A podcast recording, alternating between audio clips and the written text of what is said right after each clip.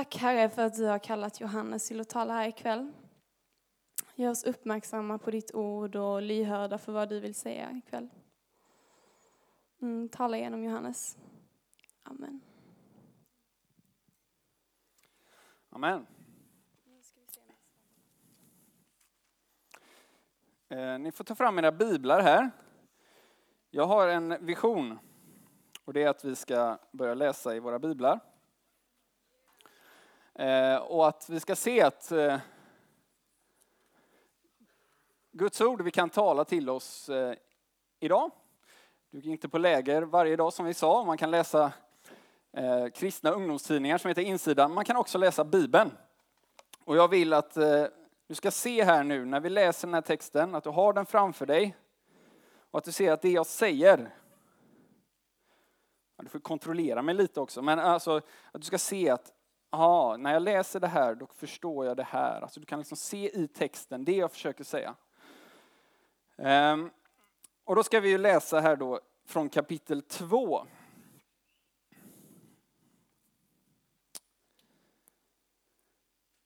Men Herren sände en stor fisk som slukade Jona. Och han var i fiskens buk i tre dagar och tre nätter och Jona bad till Herren sin Gud i fiskens buk. Han sa, jag ropade till Herren i min nöd och han svarade mig. Från dödsrikets buk ropade jag på hjälp och du hörde min röst. Du kastade mig i djupet, mitt i havet och strömmarna omslöt mig. Alla dina böljor och vågor svepte över mig. Jag tänkte, jag är fördriven från dina ögon. Men jag ska åter få se ditt heliga tempel. Vattnet omslöt mig ända till halsen. Djupt omgav mig sjö, djupet omgav mig. Sjögräs snärjde sig runt mitt huvud. Jag sjönk ner till bergens grund med jordens bommar bakom mig för evigt. Men du förde mig levande upp ur graven, Herre min Gud. När min själ tynade bort i mig tänkte jag på Herren och min bön nådde dig i ditt heliga tempel. De som håller fast vid tomma avgudar överger den nåd de fått. Men jag ska offra till dig med tacksägelse. Det jag lovat ska jag uppfylla. Frälsningen finns hos Herren. Och Herren talade till fisken och den kastade upp Jona på torra land.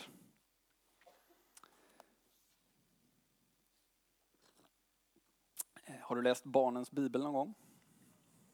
Det här är ju en eh, liten eh, favorit. Många eh, levande bilder av fisken som äter upp Jona. Och det gör ju också att eh, det är väldigt lätt att avfärda den här berättelsen. Jag ska återkomma lite till den frågan, om man, hur man ska förhålla sig till det här. Men först så tror jag vi behöver förstå några andra saker vad som är den här poäng, liksom textens huvudpoäng. Och den här textens huvudpoäng den kan du hitta i vers 10. När Jona ber frälsningen, eller räddningen, finns hos Herren. Det är liksom huvudpoängen och huvudinsikten som vi behöver få med oss idag. Och nu har ju ni jobbat lite med Jona här har jag förstått de tidigare dagarna. Va? Ni eh, har ju talat här om Jonas kallelse, att han fick en kallelse att förkunna ett budskap. Men han vägrar, eller hur? Så han sticker åt andra hållet. Och vid den här tidpunkten så vet vi inte varför Jona gör det. Varför bara drar han? Men i kapitel 4 så får vi reda på att Jona tycker att det är orättvist att Nineve får chansen att omvända sig. om man ska bara kort sammanfatta Jona så har han inte passion for people, eller hur? Han har inte det. Eh, det har ju med det här läget att göra. Men när Jona har flytt från Gud, ut, alltså motsatt riktning, va? ut på havet så sänder Gud en storm. Liksom Guds vrede över Jona egentligen. Va? Och för att Guds vrede ska stillas så måste kastas Jona över bord, ner i vattnet. Och i den här texten som vi precis läste då, så får vi se att Gud räddar Jona. Och Jona inser att också han, inte bara Nineve, är beroende av Guds nåd, Guds förlåtelse och Guds trofasthet. För det är så här, om man jobbar med mission, som är Jona, han är ju liksom missionär, va? han sänds ju ut. Ehm, då kan man lätt bli lite högmodig. Man kan ju få för sig så här att ja, men jag vet ju mycket bättre än alla andra. Här kommer jag med värsta bästa budskapet som jag ska berätta för alla andra. Så kan det bli. Men det är en omöjlig hållning om man är kristen. Varför då? Jo, för att alla kristna, sant kristna vet i grunden att jag är räddad av nåd. Det är ingenting som jag har gjort för att förtjäna detta, det är en gåva. Men det är lätt att glömma bort. va? Vi kan leva på ett annat sätt. Och jag tror att Jona hade glömt bort detta. Han hade glömt bort att han var beroende av Guds nåd. Så Gud fick ge honom verkligen då en riktig kalldusch för att han skulle förstå att alla människor behöver Guds frälsning. Även Jona och även jag. Okej. Okay. Frälsningen finns hos Herren. Och jag jobbar ju dagligen med det här med mission och eh, ja, kristen tro helt enkelt. Jag är ju präst för 17 gubbar. Eh, men det är också då lätt att tappa det här. För några veckor sedan så hände det en sak som fick mig ändå då att få verkligen en tankeställare. Eh, vi hade en Lucia-konsert i kyrkan en lördagkväll. Det var ett knökfullt. Jag tror för övrigt att hon som var Lucia är här på lägret. Ja, ja. Eh, Eh, och då var det så att min kollega Mia, hon ledde den här kören. Hon är körledare och kantormusiker i vår kyrka.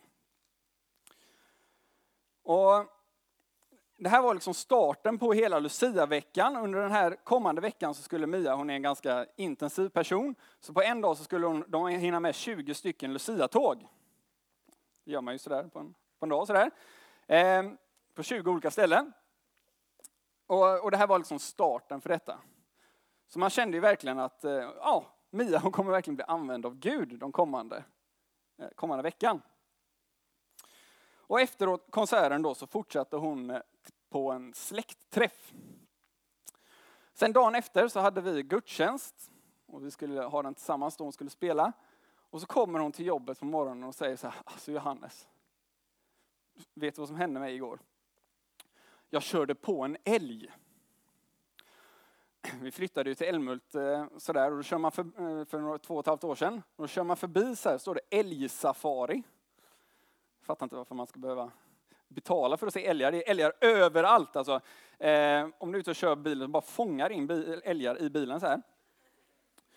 Det sitter tre bil, älgar i baksätet, fattar ingenting. Ja, eh, men hur som helst då, jag, jag, hon, hon, hon sa, det är livsfarligt va? Om du kör på en, en älg, du dör ju. Eller hur? Om du inte har väldigt, väldigt tur. Och Mia sa det, på, redan på långt håll så fick jag syn på den här älgen. Det var konstigt, det var mitt i natten, de brukar inte röra på sig då, men hon fick syn på dem, sänkte hastigheten. Och de lyckades få, eller de krockade med älgen.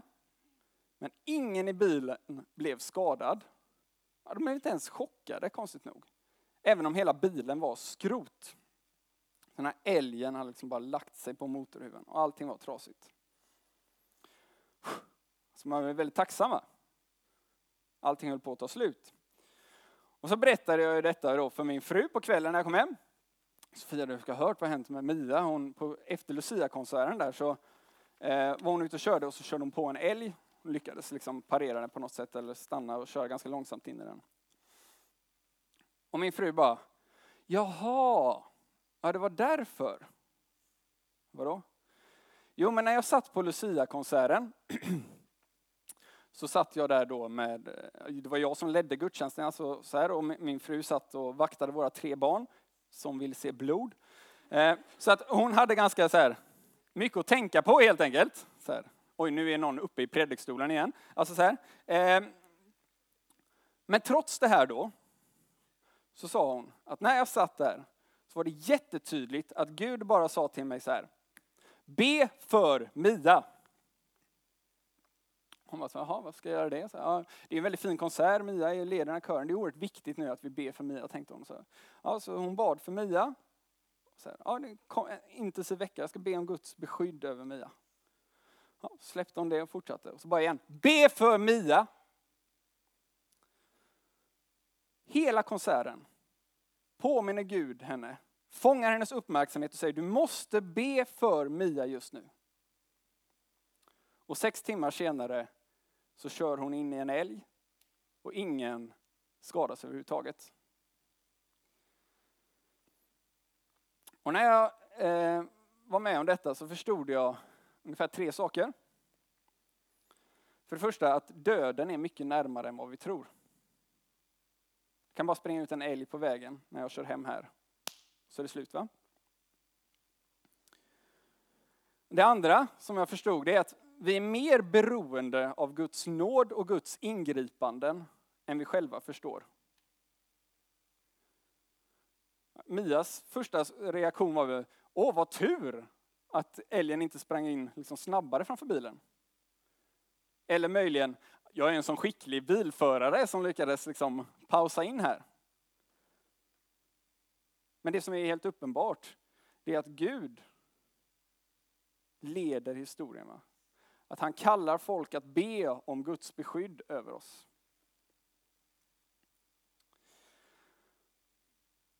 Och det här förändrar ju faktiskt hur man lever sitt liv. Va? Att döden är nära, närmare än man tror. Och att man måste förlita sig på Guds nåd. Man får en annan inriktning i livet. Och det, jag tror att det är exakt samma poäng i dagens text. Eller exakt de tre poängerna. Det var kanske inte ett jättestort under som vi såg. Det var inte som att hon höll på att drunkna och blev uppäten av en stor fisk. Men principen är ungefär densamma. Frälsningen finns hos Herren. Och det är så att vår text den beskriver, du får gärna titta här nu då, i den första versen så beskriver det här då hur Jona räddas av Gud genom att sväljas av en fisk. Och så allra sist i vår text, i vers 11, efter tre dagar då så talar Herren till fisken och den kastar upp Jona på land. Och mitt emellan där så finns det en bön eller en sång där Jona liksom reflekterar över det som han är med om.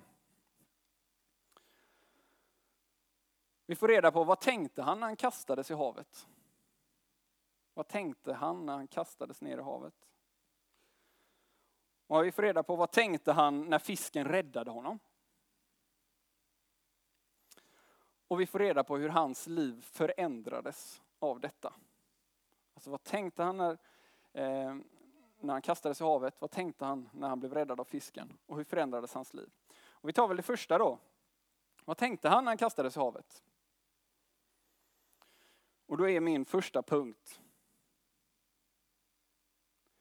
att utan Herrens frälsning, utan Herrens frälsning så finns det bara desperation. Titta här i texten då, det är ju en storm och Jona kastas ut i havet. Ganska otrevligt läge. Och han beskriver då i den här bönen sin ångest, sin dödsångest. I vers 3 så säger han så här, du kan följa med i texten så du ser. Vers 3. Jag ropade i min nöd.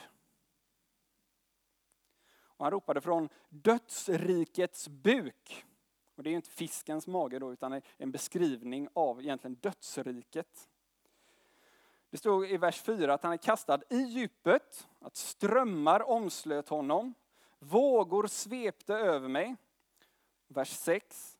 Vatten omslöt mig ända till halsen, djupet omgav mig, sjögräs runt huvudet och grejer. Vers 7. Sjönk till bergens grund, alltså botten på havet. Jordens bommar bakom mig. Ungefär som att han gick in liksom i dödsriket, någon stängde dörrarna bakom och så smällde de igen en stor bom bakom honom. Min själ tynade bort. Det är lördag kväll, välkommen, vi ska prata om dödsångest. Men han håller ju på att drunkna va? Han inser att allt är slut. Och det fanns bara ångest. När jag var i er ålder så var jag på ett läger. Och då berättade pastorn där om att han hade varit med i tsunamikatastrofen i Thailand. Han hade liksom gått runt på stranden och helt plötsligt, pang, bara slått, slåtts ner av en våg och sköljts iväg i havet, forsats runt i strömmarna. Och han berättade vad han tänkte. När han var i egentligen samma situation som Jona va? Dödsångesten kom över honom. Den sköljde över honom. Och så tänkte han, ja, nu är mitt liv slut. Det var så här det blev. Jag hade massa idéer om hur mitt liv skulle bli. Nu tar det slut. Men, berättade han också, han berättade om sitt hopp.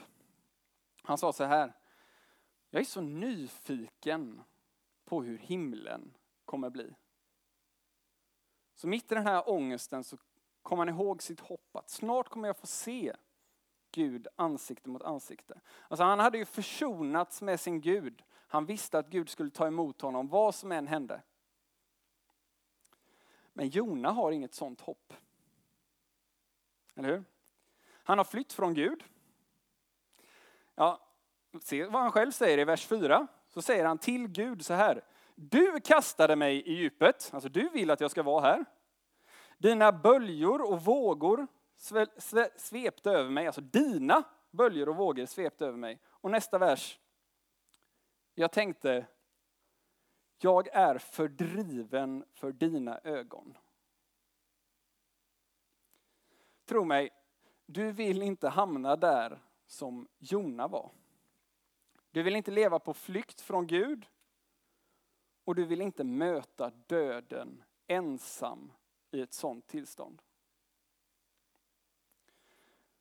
Men om du inte har Herrens frälsning, då är det bara mörker och desperation. I vår kultur så är det ju det här med döden, det är någonting som vi skjuter ifrån oss, vi vill inte prata om det, bla bla bla liksom. Ehm, vi vill gärna glömma bort att vi ska dö. Och jag kommer ihåg när mitt eh, favoritband, Kent, finns ju inte längre, men eh, eh de släppte en skiva som hette Du och jag döden. Och sista låten på den skivan, och det blev också, avslutades med en fras som också blev avslutningslåten på alla deras konserter. Och den frasen var så här. Älskling, vi ska alla en gång dö. Vi ska alla en gång dö. Ja, älskling, vi ska alla en gång dö. Du och jag döden heter skivan. Jag spelade ett band på den tiden, vi var skitdåliga. Men eh, eh, min bandkompis i alla fall, han var uttalad ateist. Han trodde inte att Gud fanns. Han var liksom rabiat när man skulle läsa Bibeln i skolan, en som det var då för studiesyfte. Så sa han i princip så här, jag vägrar. La, la, la, la, liksom. Så open-minded var han. Eh, och eh, när han fick höra om att de skulle släppa en skiva som heter Du och jag döden, så blev han skitarg. Hur kan man sjunga om något sånt här? Vi borde inte påminna oss om det här. Och varför blev han så arg? Jo, för alla vet här att vi bär ju på den här sjukdomen. Vi ska alla en gång dö. Och om det inte finns någon medicin mot det här, att vi alla en gång ska dö, ja, då är det ju helt hopplöst. Då måste man ju bara försöka glömma det. Men som kristen måste vi ju säga att eftersom vi vet att det finns medicin, då är det oerhört viktigt att vi så snabbt som möjligt ställer den här diagnosen över våra liv. Så att vi kan börja medicinera mot det. Så även om det låter skitkonstigt, så hoppas jag att du har stått vid dödens port. Någon gång. Om du inte har gjort det rent fysiskt, för det är säkert några av er som har varit med om någonting sånt. Om du inte har gjort det rent konkret, så att du i alla fall har gjort det i din tanke. För jag kommer ihåg när jag var 14 år och jag låg i min säng och så började jag fundera. Tänk när jag dör. Och jag försvinner. Och jag fick alltså, om jag försökte liksom tänka den här tanken till slutet så fick jag svindel. Jag kände, jag låg ju ner i sängen men jag kände liksom som att jag fick svindel och blev yr i huvudet. Jag fick sluta skjuta bort tanken liksom. Det jag är, den jag är, kommer upphöra att finnas en dag. Desperation. Och den situationen är vi alla i. Men vad är det Jona gör då? Vad är det Jona gör? Och det står att han ropar ropade. Han tänkte inte lite stilla så här, snälla Gud, det vore nice att leva. Eller ja, jag vet inte, det är inte så noga, tänk inte på mig, men, eller hur? Han ropade, va? eller hur? Höj, eller vad det var vi skulle ropa. Med intensitet. Och jag tror inte det är någon så beskrivning med vilken ljudnivå han ropade i havet. Så här, blub, blub, blub, blub, blub, blub, blub, blub, liksom så här. Utan eh, det handlar om intensiteten. Va? Det spelar liksom ingen, bra, eh, ingen roll hur bra han var på liksom, sådär under vattnet. Han fick badda den. Utan det var hans hjärtas inställning som räknades. Hans hjärtas inställning. Han ger sig hän i tro och förtröstan på något annat än sig själv. Han flyttar över sin tro och ropar till Gud. Du är den fasta grunden, det är dig jag behöver nu. Jag sträcker mig i tro till dig.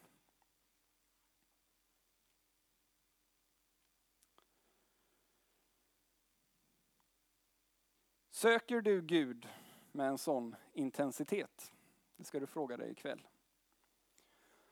Och gör du inte det så måste du fundera över detta. Har du insett vilket läge vi är i? Vi står alla på döden, vid dödens port. Va? Ropa, sök! För vad är alternativet? Om du tvivlar på Gud, kan ju man göra va? Kan ha massa invändningar. Så måste du nog också börja tvivla på dina tvivel, ärligt talat. Jag är helt övertygad om att man kan få bra svar på sina frågor, att man kan få goda skäl för att tro på Guds existens. Det är något av det viktigaste i min kristna tro som har burit mig jättemycket. Men du måste inse ditt läge och du måste få den här intensiteten i ditt liv. Att du söker Gud, att du ropar till honom. Så är vår situation. Den desperationen som Jona har behöver du också ha i ditt liv. Okej, okay. så den första punkten är att liksom, utan Herrens frälsning så finns det bara desperation. Men med Herrens frälsning så finns det tacksamhet. En tacksamhet över att Gud har räddat oss av nåd. Va? För när Jonas sprattlar i vattnet, insnärjd i sjögräs, alltså det är en lite töntig beskrivning, men han har liksom trasslat in sig i sjögräs mitt i alltihop också. Och han bubblar små böner. Vad är det han ska göra liksom för att Gud ska rädda honom? Sådär. Åh, jag är så snäll mot min mamma. Liksom. Eller vad, han har ju ingen möjlighet alls. Han ligger på, i, i graven i princip. Va? Då räddar Gud honom. Vers 7b, du ser i din lilla bibel. Men du förde mig levande upp ur graven. Ur graven! Testa att ligga i en grav och bara, nu ska jag frälsa mig själv. Det kommer inte funka va? Och här tror jag att det börjar bli läge att nämna elefanten i rummet, eller jag menar valen.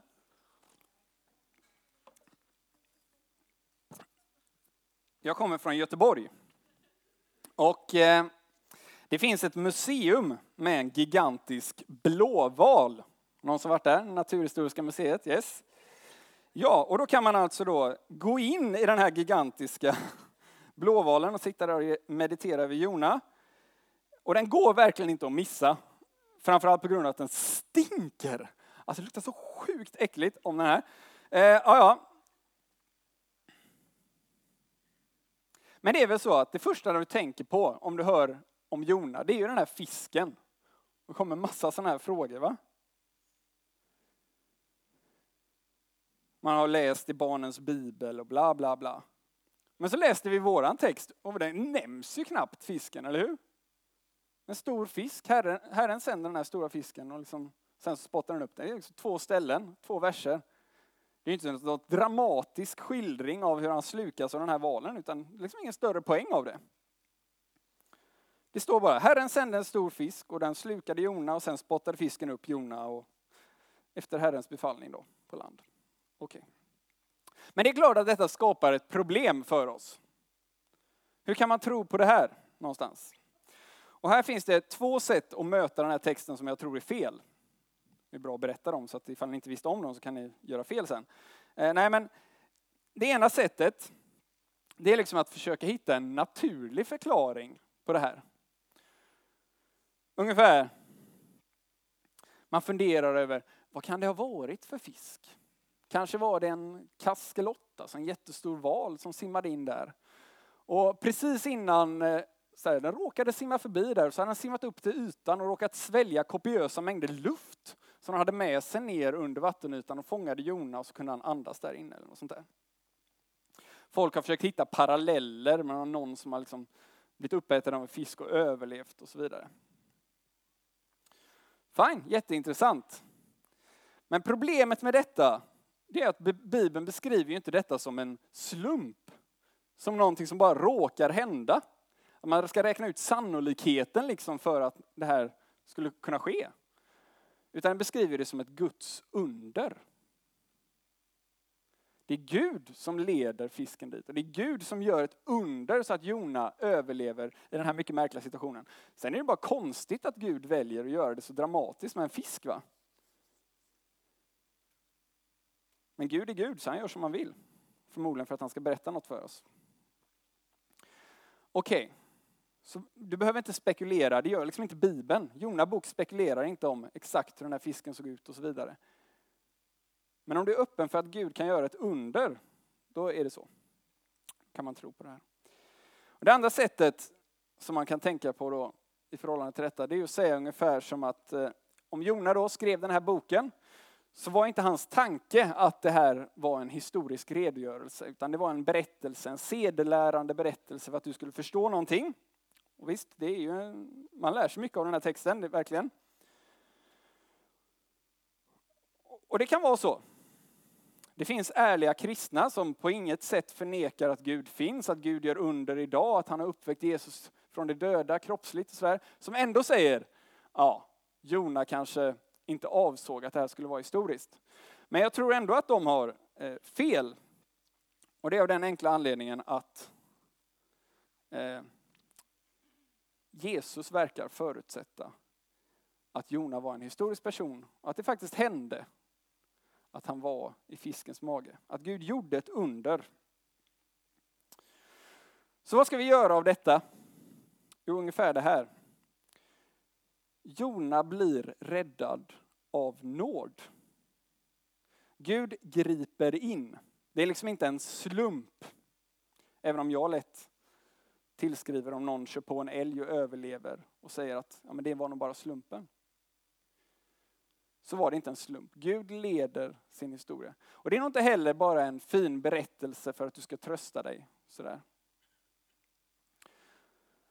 Men den fråga som faktiskt är väldigt, väldigt intressant.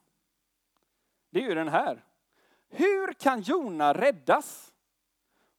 Och då menar jag inte att liksom, exakt hur fisken då kan uppnå, hur gick det till? Utan jag menar, Hur kan det vara rättvist? Här har du Jona. Han har gjort uppror mot Gud, struntar i honom, går åt ett annat håll. Han är ju under Guds dom. Va? Hur i hela friden kan han förtjäna att bli räddad av en fisk av Gud? Och då sa jag ju det till dig att Jesus nämner Jona. Och han säger att Jona är som en förebild på hans död och uppståndelse. Folk kommer till Jesus och de begär bevis. De säger liksom till Jesus, ge oss ett tecken så att vi kan tro på dig. Och då säger han, ni ska inte få något annat tecken än Jona tecken. För på samma sätt som människosonen, eh, som Jona var i fiskens buk eh, tre dagar och tre nätter, så ska människosonen vara i dödsriket i tre dagar och tre nätter. I jordens inre. Så poängen här är, hur kan Jona räddas? Han förtjänar det inte när han viftar med sina armar i sjögräset sådär. Utan det är för att en annan person har kastats i havet i hans ställe. Att Jesus, Guds son, har tagit vreden på sig när han dog på ett kors. Och att han uppstod från de döda. Och vi kan inte göra något annat än att säga tack. Alltså sjung lovsång med Jona. Står det i vers 10 va? Jag ska offra till dig med tacksägelse eller tacksägelsens rop. Och inse det här då. Jag behöver Guds räddning. Det är ingenting för alla de andra som jag ska missionera. Utan jag behöver Guds räddning. Och den finns bara hos Herren. Inte hos mig själv. Inte genom slumpen. Och inte några tröstande ord bara. Utan i att Jesus är uppstånden.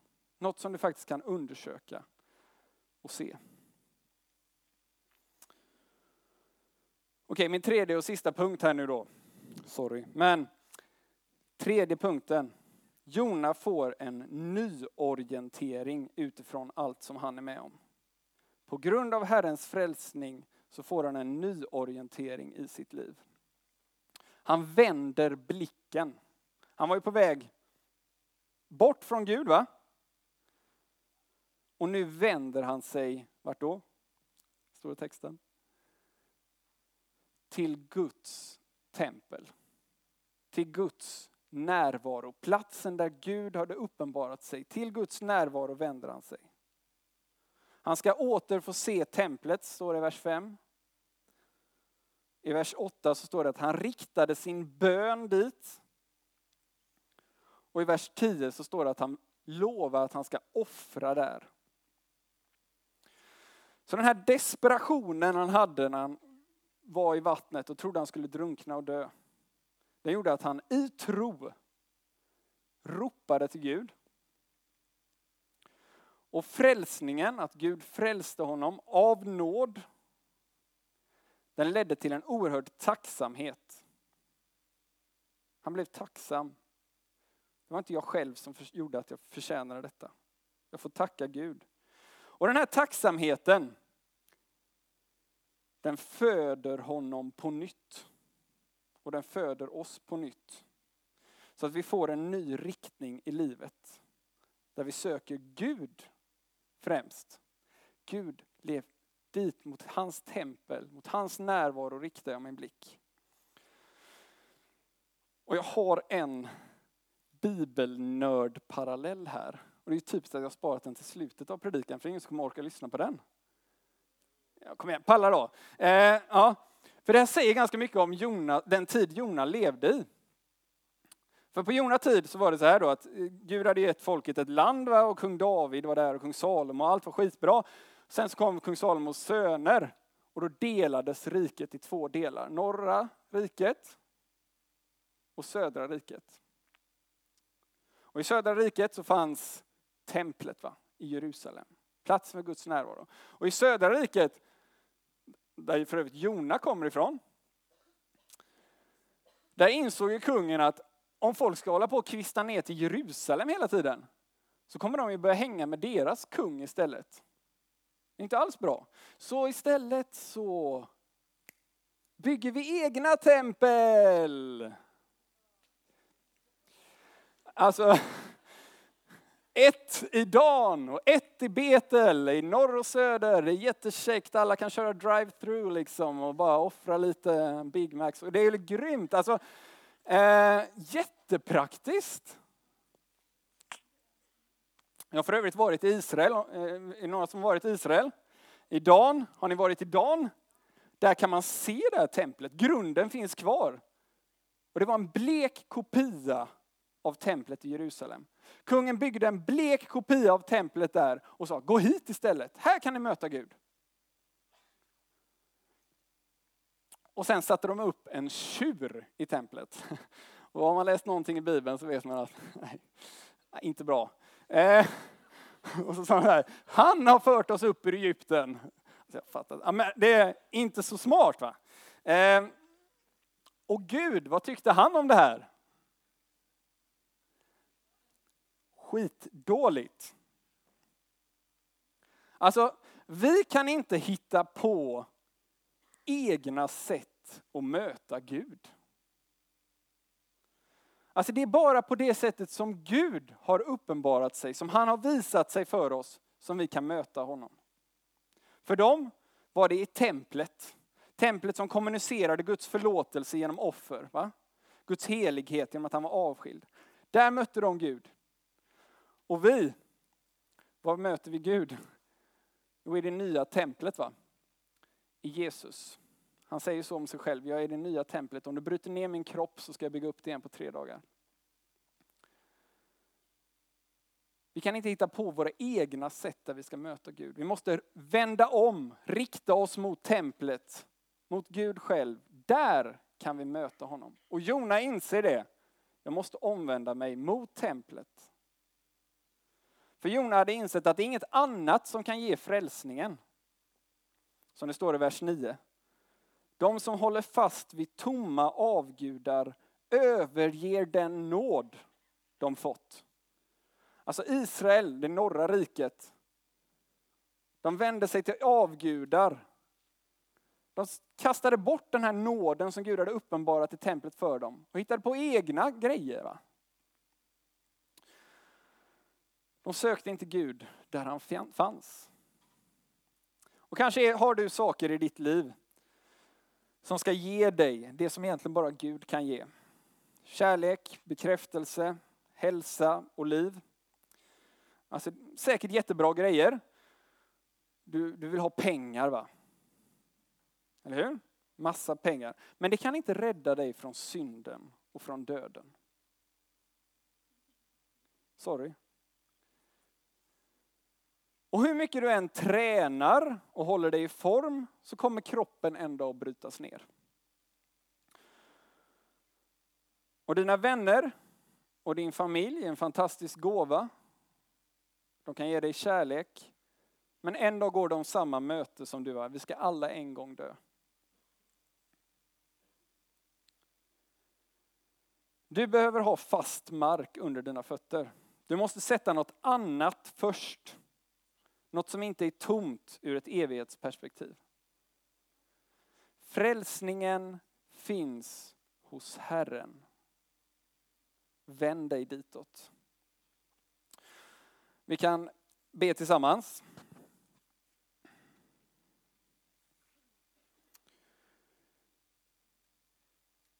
Gud, vi tackar dig för ditt ord. Hjälp oss att förstå det. Låt det tala in i våra liv. Och låt oss också på något sätt agera på det, Herre. Herre, om vi har på något sätt fått inse vår situation, att vi en gång kommer dö, att vi är desperata egentligen, vi är helt utlämnade. Herre, hjälp oss då att ropa till dig, precis som Jona. Att ropa, att tro på dig istället för oss själva. Om det är någon här som aldrig har gjort det i sitt liv tidigare så ber vi att du skulle dra i den människan Herre. Kalla på dem, visa på din kärlek. Att det finns fast grund att få. Och Gud, till alla som har ropat, som har förstått någonting av din frälsning. Hjälp oss Herre att få en tacksamhet. Att inse att vi är räddade av nåd. Det är inte någon slump, utan vi är så tacksamma för din frälsning, att du har dött och uppstått för oss. Låt den tacksamheten sätta sig i våra hjärtan, Herre. Hjälp oss att sjunga med i lovsången på ett nytt sätt. Att meditera över vad du har gjort för oss. Hur du har fört oss upp i djupet. Och Gud, allra sist så ber vi att vi ska få en ny orientering i vårt liv. Att du har räddat oss från döden. Och nu får vi leva för dig istället. Alla tomma avgudar kan vara, för vi har redan fått frälsningen, vi behöver inte söka efter det i andra saker. Vi kan vända oss mot ditt tempel, söka dig och låta vårt liv bli ett offer. I Jesu namn. Amen.